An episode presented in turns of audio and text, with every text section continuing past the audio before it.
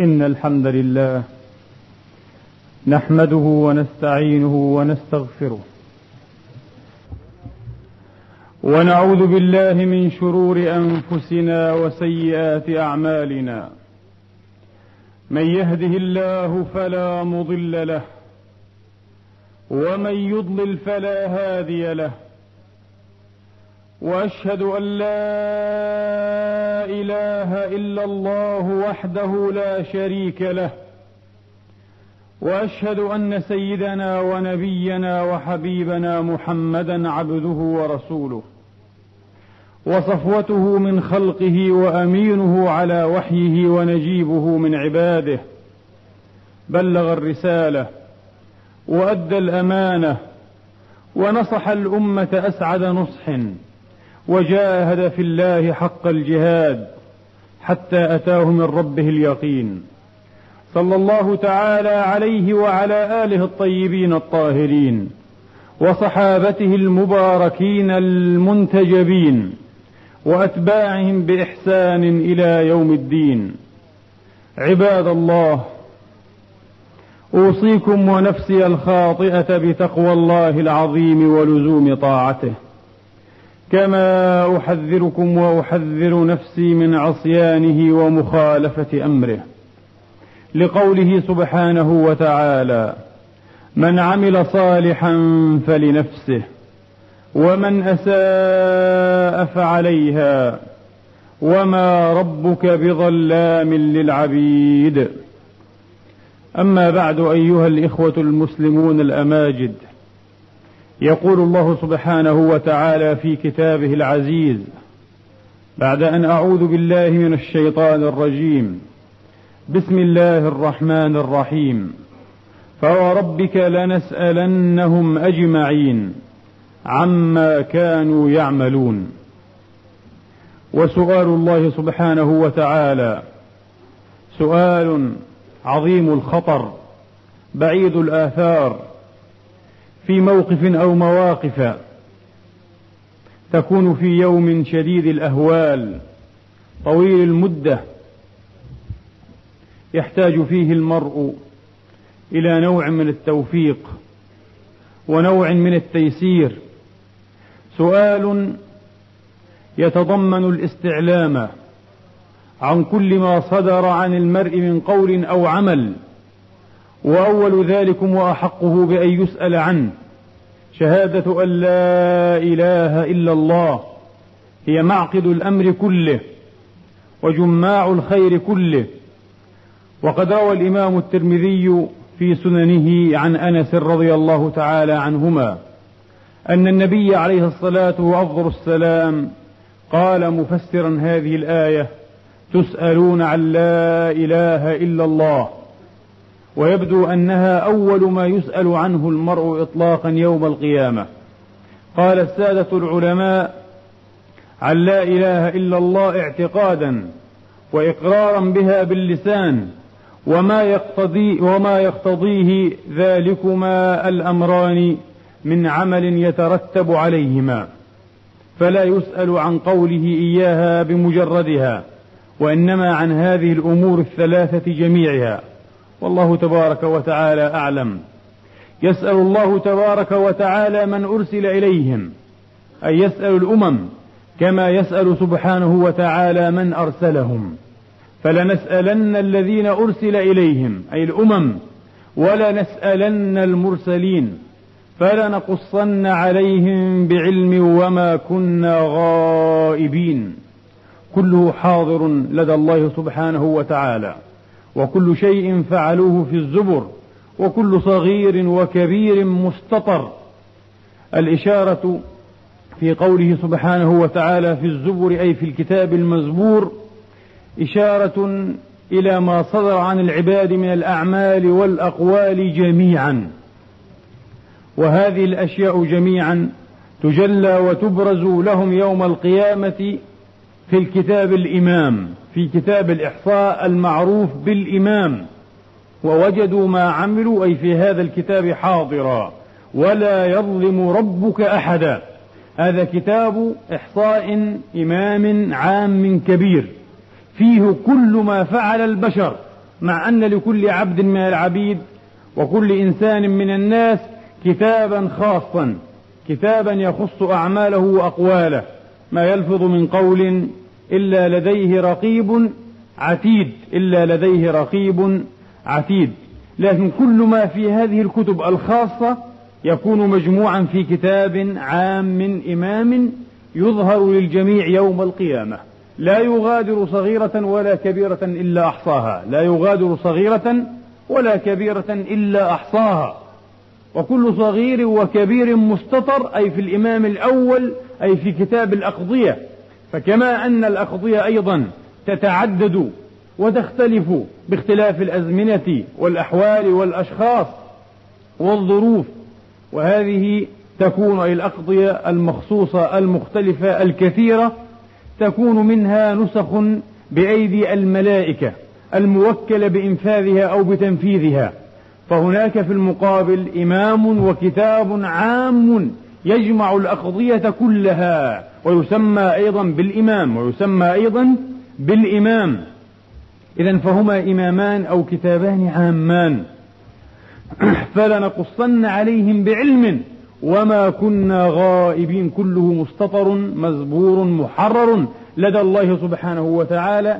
إن الله تبارك وتعالى قبل أن يخلق الدنيا بخمسين ألف سنة خلق القلم وخلق الكتاب وكتب فيه كل ما سيصدر عن الناس من خير أو شر من قول أو فعل من ظاهر أو باطن. فهذا هو الإمام الأول.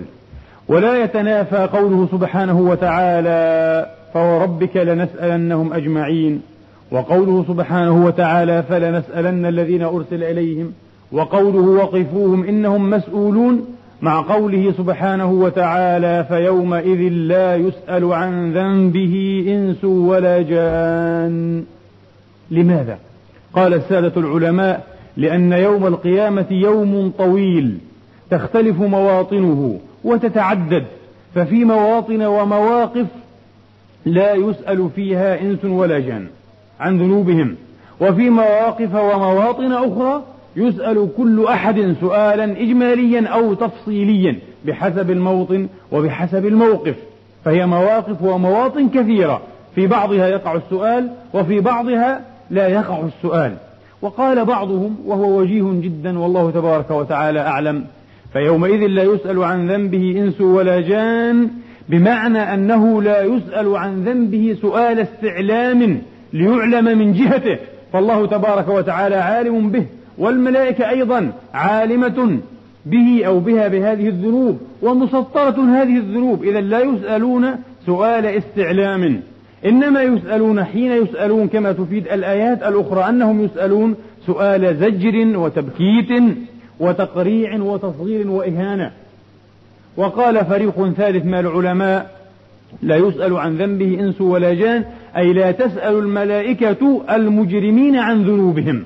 لأنها معلومة ومسطرة. الملائكة التي لا تسأل لأنها معلومة ومسطرة ثم إنهم يعرفون بسيماهم بدليل أن الله تبارك وتعالى قال بعدها فبأي آلاء ربكما تكذبان؟ يعرف المجرمون بسيماهم فيؤخذ بالنواصي والأقدام تجمع نواصيهم إلى أقدامهم ويقذفون في نار جهنم والعياذ بالله تبارك وتعالى.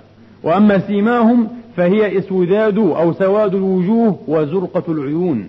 وزرقة العيون ونحشرهم يوم القيامة زرقا. أي عيونهم تكون زرقاء والعياذ بالله. وهذا شيء مذموم جدا هذا شيء مذموم جدا. فلذلك لا تسألهم الملائكة لأنهم معروفون بسيماهم معروفون بسيماهم. ومصيرهم محدد ومفصول فيه إلى نار جهنم. نسأل الله العفو والعافية في الدين والدنيا والآخرة. فلنسألن الذين أرسل إليهم ولنسألن المرسلين. يسأل الله تبارك وتعالى في جملة ما يسأل عنه. يسأل تبارك وتعالى الأمم عن مواقفها من أنبيائها ورسلها. ماذا أجابوهم؟ ويوم يناديهم فيقول ماذا أجبتم المرسلين؟ فعميت عليهم الأنباء يومئذ فهم لا يتساءلون. يسألهم الله تبارك وتعالى بماذا أجبتم المرسلين الذين أرسلتهم إليكم.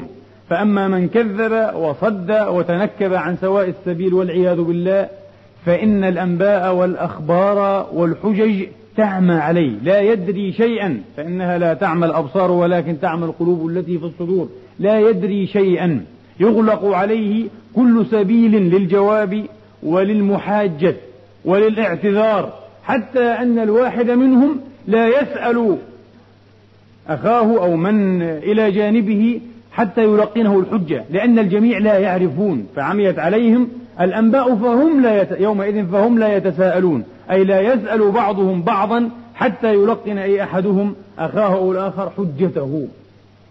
هذا حال المكذبين. كما يسأل الله تبارك وتعالى المرسلين أنفسهم سؤالين. هل بلغوا الرسالة وأدوا أمانات الله تبارك وتعالى ونصحوا لأممهم وبماذا أجابتهم الأمم؟ يسألهم الله تبارك وتعالى أيضا هذا السؤال الثاني وبماذا أجابتهم الأمم؟ الأمم المكذبة لا تعترف ولا تقر. وهنا يأتي دور محمد عليه الصلاة وأفضل السلام ودور أمته الوسط العدل كما فسرها عليه الصلاة وأفضل السلام في حديث الصحيح لتشهد لجميع الأنبياء الذين كذبوا. لم يكفي هذه الأمم المكذبة أن كذبتهم في الدنيا تأتي لتكذبهم يوم القيامة أيضا. ففي الصحيح في صحيح البخاري ورواه أصحاب السنن جميعا والإمام أحمد في مسنده من حديث أبي سعيد الخدري وهذا اللفظ لأحمد. قال قال عليه الصلاة وأفضل السلام يدعى نوح يوم القيامة. يدعى نوح عليه السلام يوم القيامة. فيقال له يا نوح هل بلغت؟ فيقول نعم يا رب قد بلغت وأديت. فتدعى أمته. فيقال لها هل بلغك هذا؟ أي نوح عليه الصلاة وأفضل السلام. فيقولون ما جاءنا من نذير وما أتانا من أحد. يكذبون نوحا أو نوحا لأنه يجوز فيه الوجهان الصرف وعدم الصرف. يكذبون نوحا أو نوحا عليه الصلاة وأفضل السلام ما جاءنا من نذير وما أتانا من أحد. فيقال لنوح عليه الصلاة وأفضل السلام يا نوح فمن يشهد لك أو معك؟ فيقول محمد وأمته. فيقول محمد وأمته. هو عدل بل أعدل الخلق جميعا وأمته أمة الوسط والاعتدال. قال عليه الصلاة وأفضل السلام فذلك قوله تبارك وتعالى وكذلك جعلناكم وسطا قال والوسط العدل النبي فسرها. آه أي أمة التوسط أي الاعتدال. وهي أيضا معدلة أي أمة تتسم بالصدقية وبالحقية وبالموثوقية. بعيدة من الكذب والافتراء والتجانف عن جادة الحق وسواء السبيل والوسط العدل لتكونوا شهداء على الناس ويكون الرسول عليكم شهيدا. قال عليه الصلاة وأفضل السلام فتشهدون لنوح بالتبليغ أو قال بالبلاغ ثم أشهد عليكم. قال السادة العلماء ومعنى ثم أشهد عليكم أي أشهد لكم بالصدق والعدالة يعدلنا النبي يعدل من اتبعه واستنى بسنته واهتدى بهديه من أمته يشهد لهم بالعدالة وبالموثوقية وبالصدق والاستقامة. لماذا؟ حتى تقبل شهادتهم عند الله تبارك وتعالى. إذا بهذا الاعتبار يكون النبي شاهدا على الجميع على أمته وعلى الأمم كلها بل على الأنبياء من قبله. يعطى الشهادة على الجميع لأن أمته تشهد على الأمم والأنبياء وهو يشهد على أمته وهو يشهد على أمته. ولذا في الحديث الصحيح حين أمر النبي أبي أبي بن كعب رضي الله تعالى عنه أن يقرأ عليه. افتتح سورة النساء حتى إذا بلغ قوله تبارك وتعالى فكيف إذا جئنا من كل أمة بشهيد وجئنا بك على هؤلاء أي على أمتك المحمدية المصطفوية وجئنا بك على هؤلاء شهيدا يومئذ يود الذين كفروا وعصوا الرسول لو تسوى بهم الأرض ولا يكتمون الله حديثا. وعندئذ قال النبي عليه الصلاة والسلام لأبي رضي الله عنه وأرضاه الآن حسبك أو حسبك. قال فنظرت فإذا عيناه تذرفان الدمع عليه الصلاة والسلام فاضتا لأن هذا موقف عصيب وموقف كبير فضلا عن أنه تكريمة وتشريف أي تكريمة وأي تشريف. فقد روى ابن أبي حاتم وابن مردوية عن جابر رضي الله تعالى عنهم وأرضاهم أجمعين. قال عليه الصلاة وأفضل السلام إني وأمتي يوم القيامة على كوم أي على مكان مرتفع على مكان مرتفع مشرف. كما نقول كومة إني وأمتي يوم القيامة على كوم مشرفين أي حال كوننا مشرفين. مشرفين على الخلائق. ما من أحد إلا ود أنه منا. لأنه مقام شرف عظيم جدا جدا. حتى شرف مكاني يكون شرفا مكانيا. هم أرفع من غيرهم. على تلة أو على هضبة أو على كومة عالية. سامقة يشرفون على الخلائق جميعا. يقول عليه السلام ما من أحد إلا ود أنه منا. يكون من هذه الأمة. على هذا الشرف على هذه الاستقامة. قال عليه الصلاة وأفضل السلام وما من نبي تتمة الحديث كذبه قومه إلا شهدنا له بالبلاغ. إلا شهدنا له بالبلاغ. إذا هذا مقام شريف جدا. وقد قص علينا الله تبارك وتعالى من دعاء الصالحين من أهل الكتاب من النصارى القسيسين والرهبان. وإذا سمعوا ما أنزل إلى الرسول ترى أعينهم تفيض من الدمع مما عرفوا من الحق يقولون ربنا آمنا فاكتبنا مع الشاهدين. قال ابن عباس رضي الله تعالى عنهما اكتبنا مع الشاهدين أي جعلنا من أمة محمد التي تشهد على الأمم وتشهد للأنبياء بالبلاغ يوم القيامة. فهذا مقام عظيم تشرئب إليه الأعناق وتهفو إليه النفوس وتضرع إليه ألسنة الصالحين من عباد الله كهؤلاء الذين شهد الله وذكرهم بالاتباع وبالحق والصدق. آه. تضرع إلى الله تبارك وتعالى ألسنتهم بأن ينيلهم هذا المقام. فاكتبنا مع الشاهدين. اللهم اجعلنا من هؤلاء الشاهدين. اللهم آمين. فهذه شهادة محمد وأمته على الأمم. فتسأل كل أمة ويسأل كل رسول. ولذا كان النبي عليه الصلاة وأفضل السلام يكثر أن يقول في خطبه ألا هل بلغت؟ اللهم اشهد. أو يقول اللهم فاشهد. قال في حجة الوداع عليه الصلاة وأفضل السلام ألا وإنكم مسؤولون عني يوم القيامة فما أنتم قائلون؟ فقالوا كلهم كل من كان بالموقف يوم حجة الوداع فقالوا كلهم نشهد أنك قد بلغت وأديت ونصحت وجاهدت في الله. فرفع أصبعه عليه الصلاة وأفضل السلام إلى السماء وقال اللهم اشهد اللهم اشهد اللهم اشهد اللهم اشهد. وأيضا من جملة ما يسأل عنه المرء كما تعلمون يوم القيامة الفرائض المكتوبة عليه. فقد روى الترمذي والنسائي عن قبيصة ابن حريث رضي الله عنهم وأرضاهم أجمعين قال قدمت المدينة فقلت اللهم إني أسألك أن تيسر لي جليسا صالحا يحدثني بحديث سمعه من رسول الله لعل الله ينفعني به. لعل الله ينفعني به. قال فجلست إلى أبي هريرة رضي الله تعالى عنه وأرضاه. فقلت له يا أبا هريرة لقد سألت الله تبارك وتعالى أن أجلس إلى جليس صالح يحدثني بحديث سمعه من رسول الله. قال أبو هريرة نعم سمعته عليه الصلاة وأفضل السلام يقول إن أول ما يسأل عنه العبد يوم القيامة الصلاة. هذه الأولية ليست إطلاقية ليست مطلقة إنما هي أولية إضافية كما يقول علماء البلاغة أو أولية نسبية. وحق أو حق أحق شيء أن يكون له الأولية والأولوية المطلقة هو كما قدمنا في صدر الحديث شهادة أن لا إله إلا الله. النبي مثلا يقول في الحديث كل أمر ذي بال لا يبدأ ببسم الله أو بسم الله فهو أبتر فهو أجدع فهو أقطع على اختلاف الروايات. في أحاديث أخرى كل أمر لا يبدأ بالحمد لله فهو أبتر أو أجدع أو أقطع. هذه الأولية وهذه البداء إضافية. المفروض أن الأولية المطلقة البسملة بسم الله. ثم تأتي بعد ذلك بعد البسملة الحمد لله. فهذه الأولية إضافية أو نسبية؟ إضافية أو نسبية. إضافية إلى ما بعدها. إضافية إلى ما بعدها. لكن إلى ما قبلها ليست لها الأولية ولا الأولوية. هذا معنى النسب والإضافة هنا في اصطلاح علماء البلاغة. المهم الصلاة.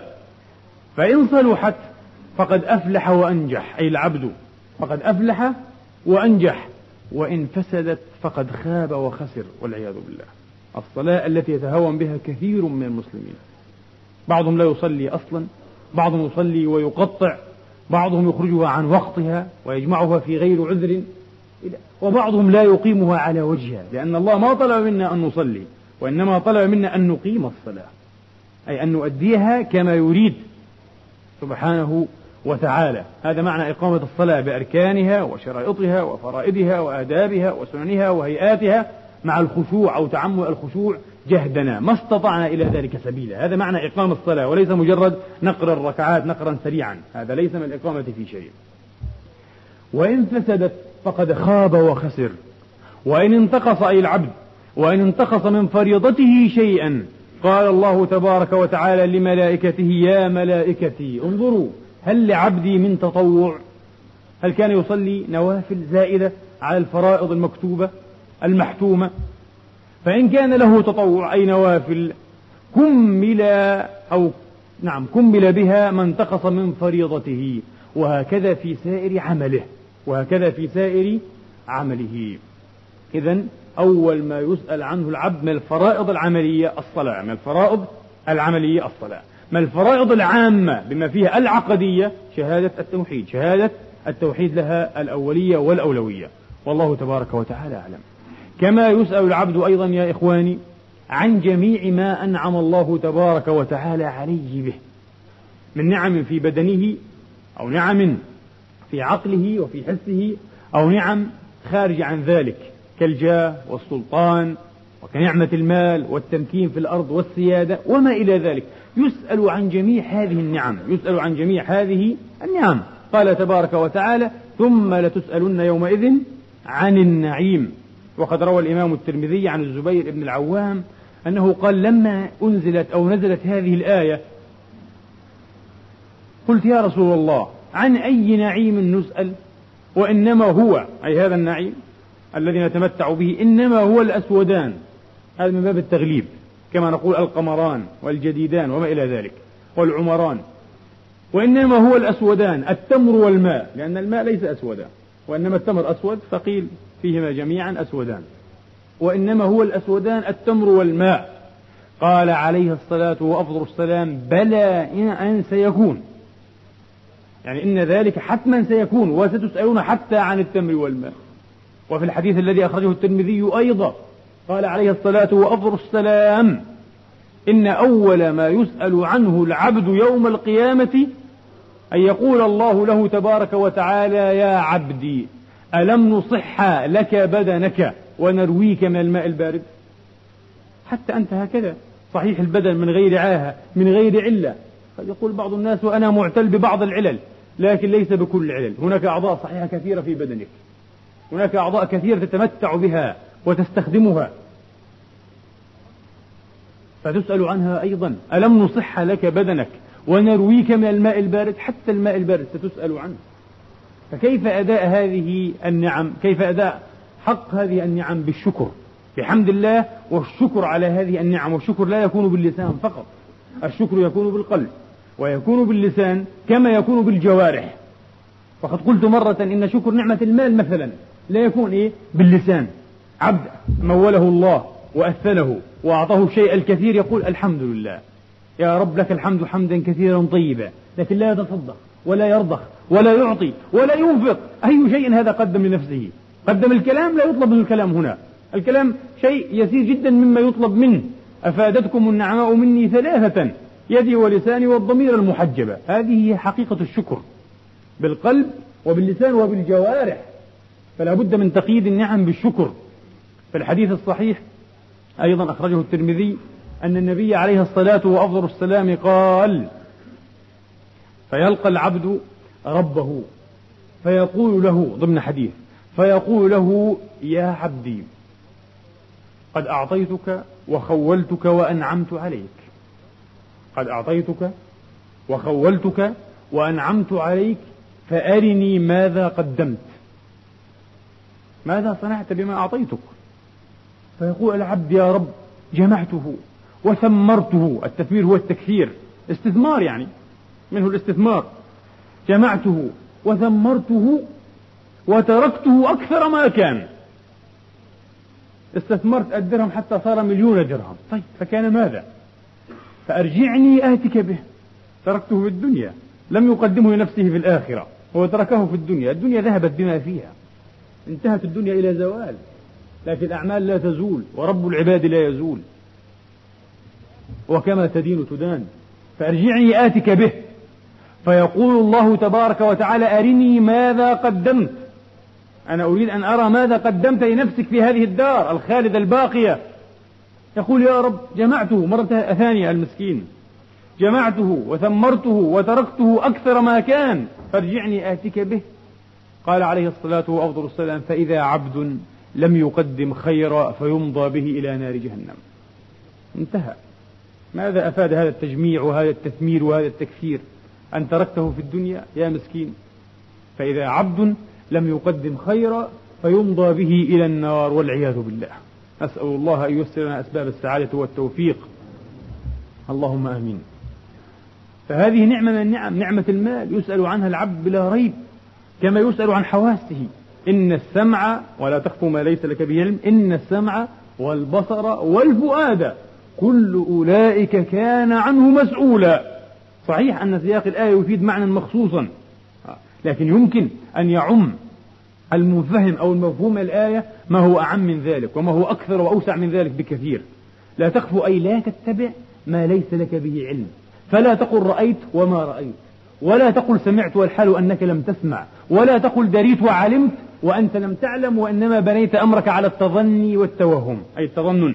على التظني والتوهم. لا. ولا تخف ما ليس لك به علم. هذا تأسيس للعقلانية تأسيس للعلمية في القرآن الكريم. لماذا؟ إن السمع والبصر والفؤاد كل أولئك كان عنه مسؤولا. النبي أشار إلى الشمس في حديث وقال على مثل هذه فاشهد.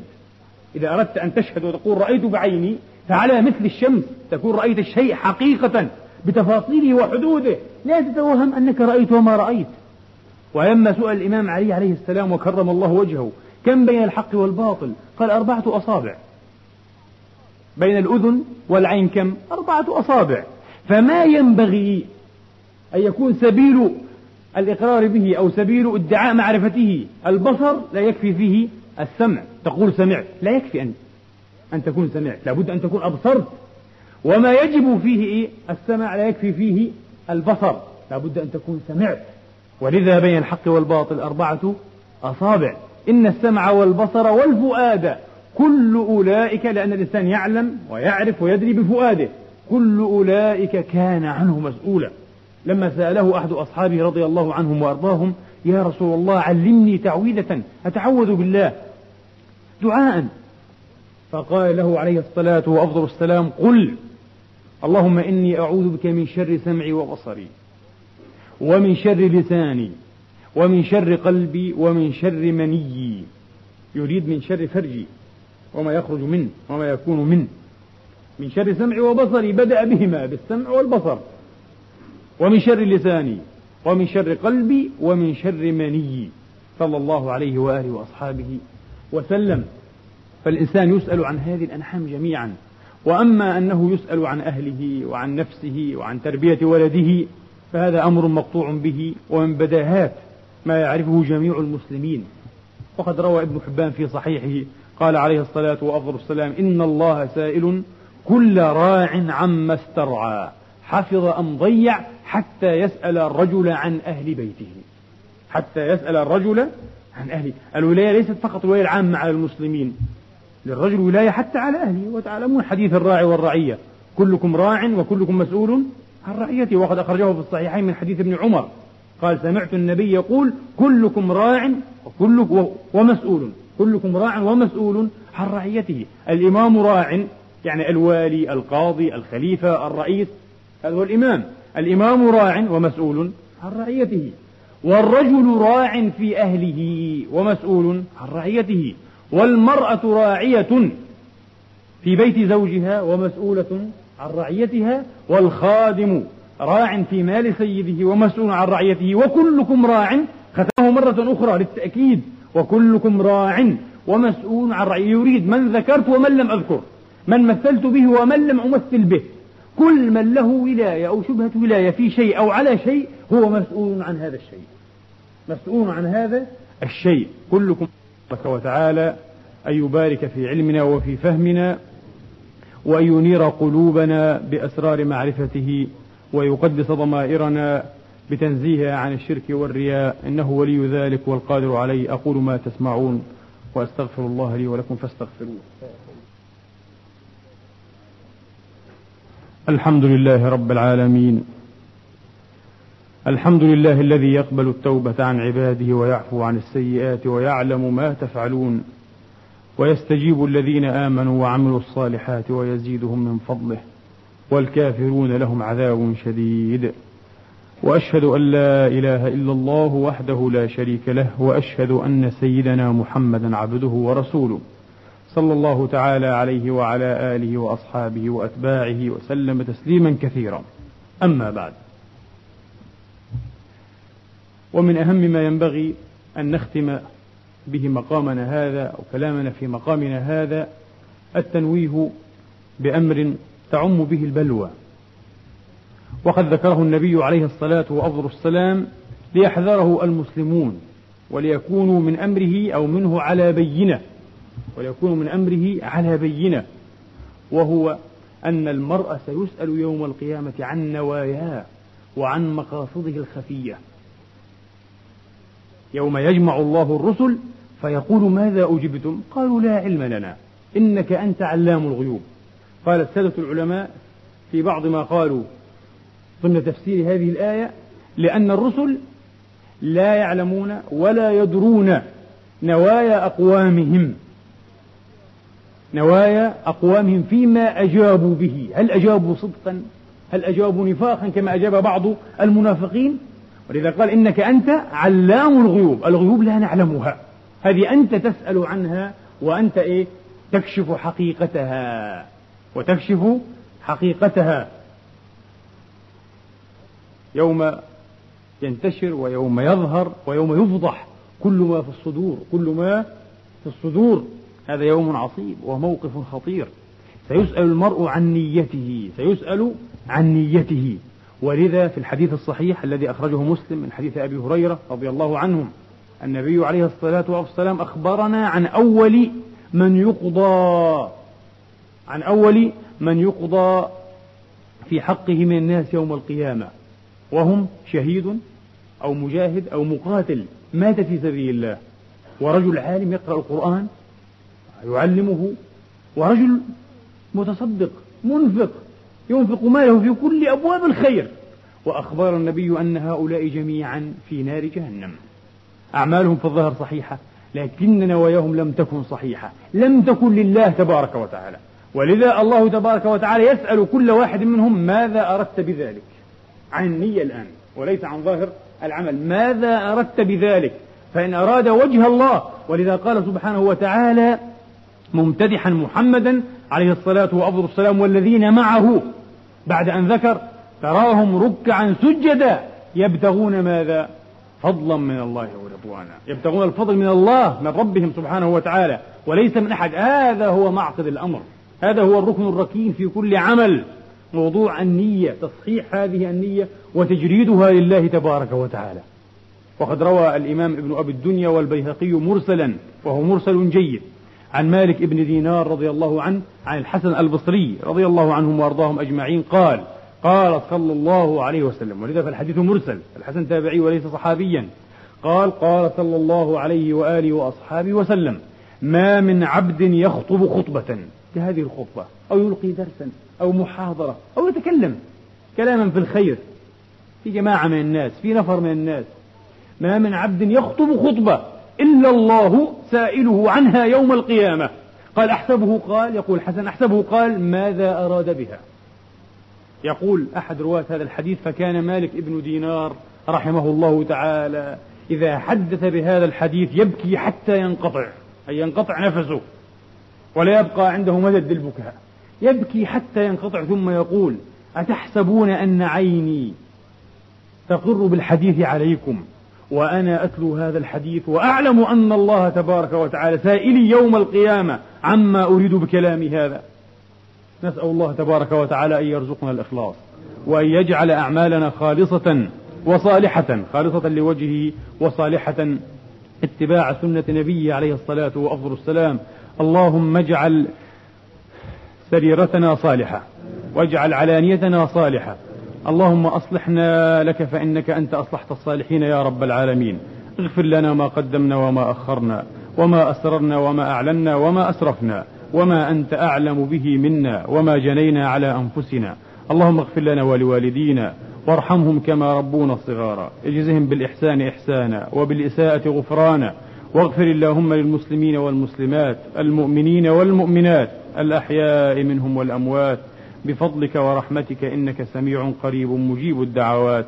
عباد الله إن الله يأمر بالعدل والإحسان وإيتاء ذي القربى وينهى عن الفحشاء والمنكر والبغي يعظكم لعلكم تذكرون. اذكروا الله يذكركم واشكروه يزدكم وسلوه يعطكم. وقوموا إلى صلاتكم يرحمني ويرحمكم.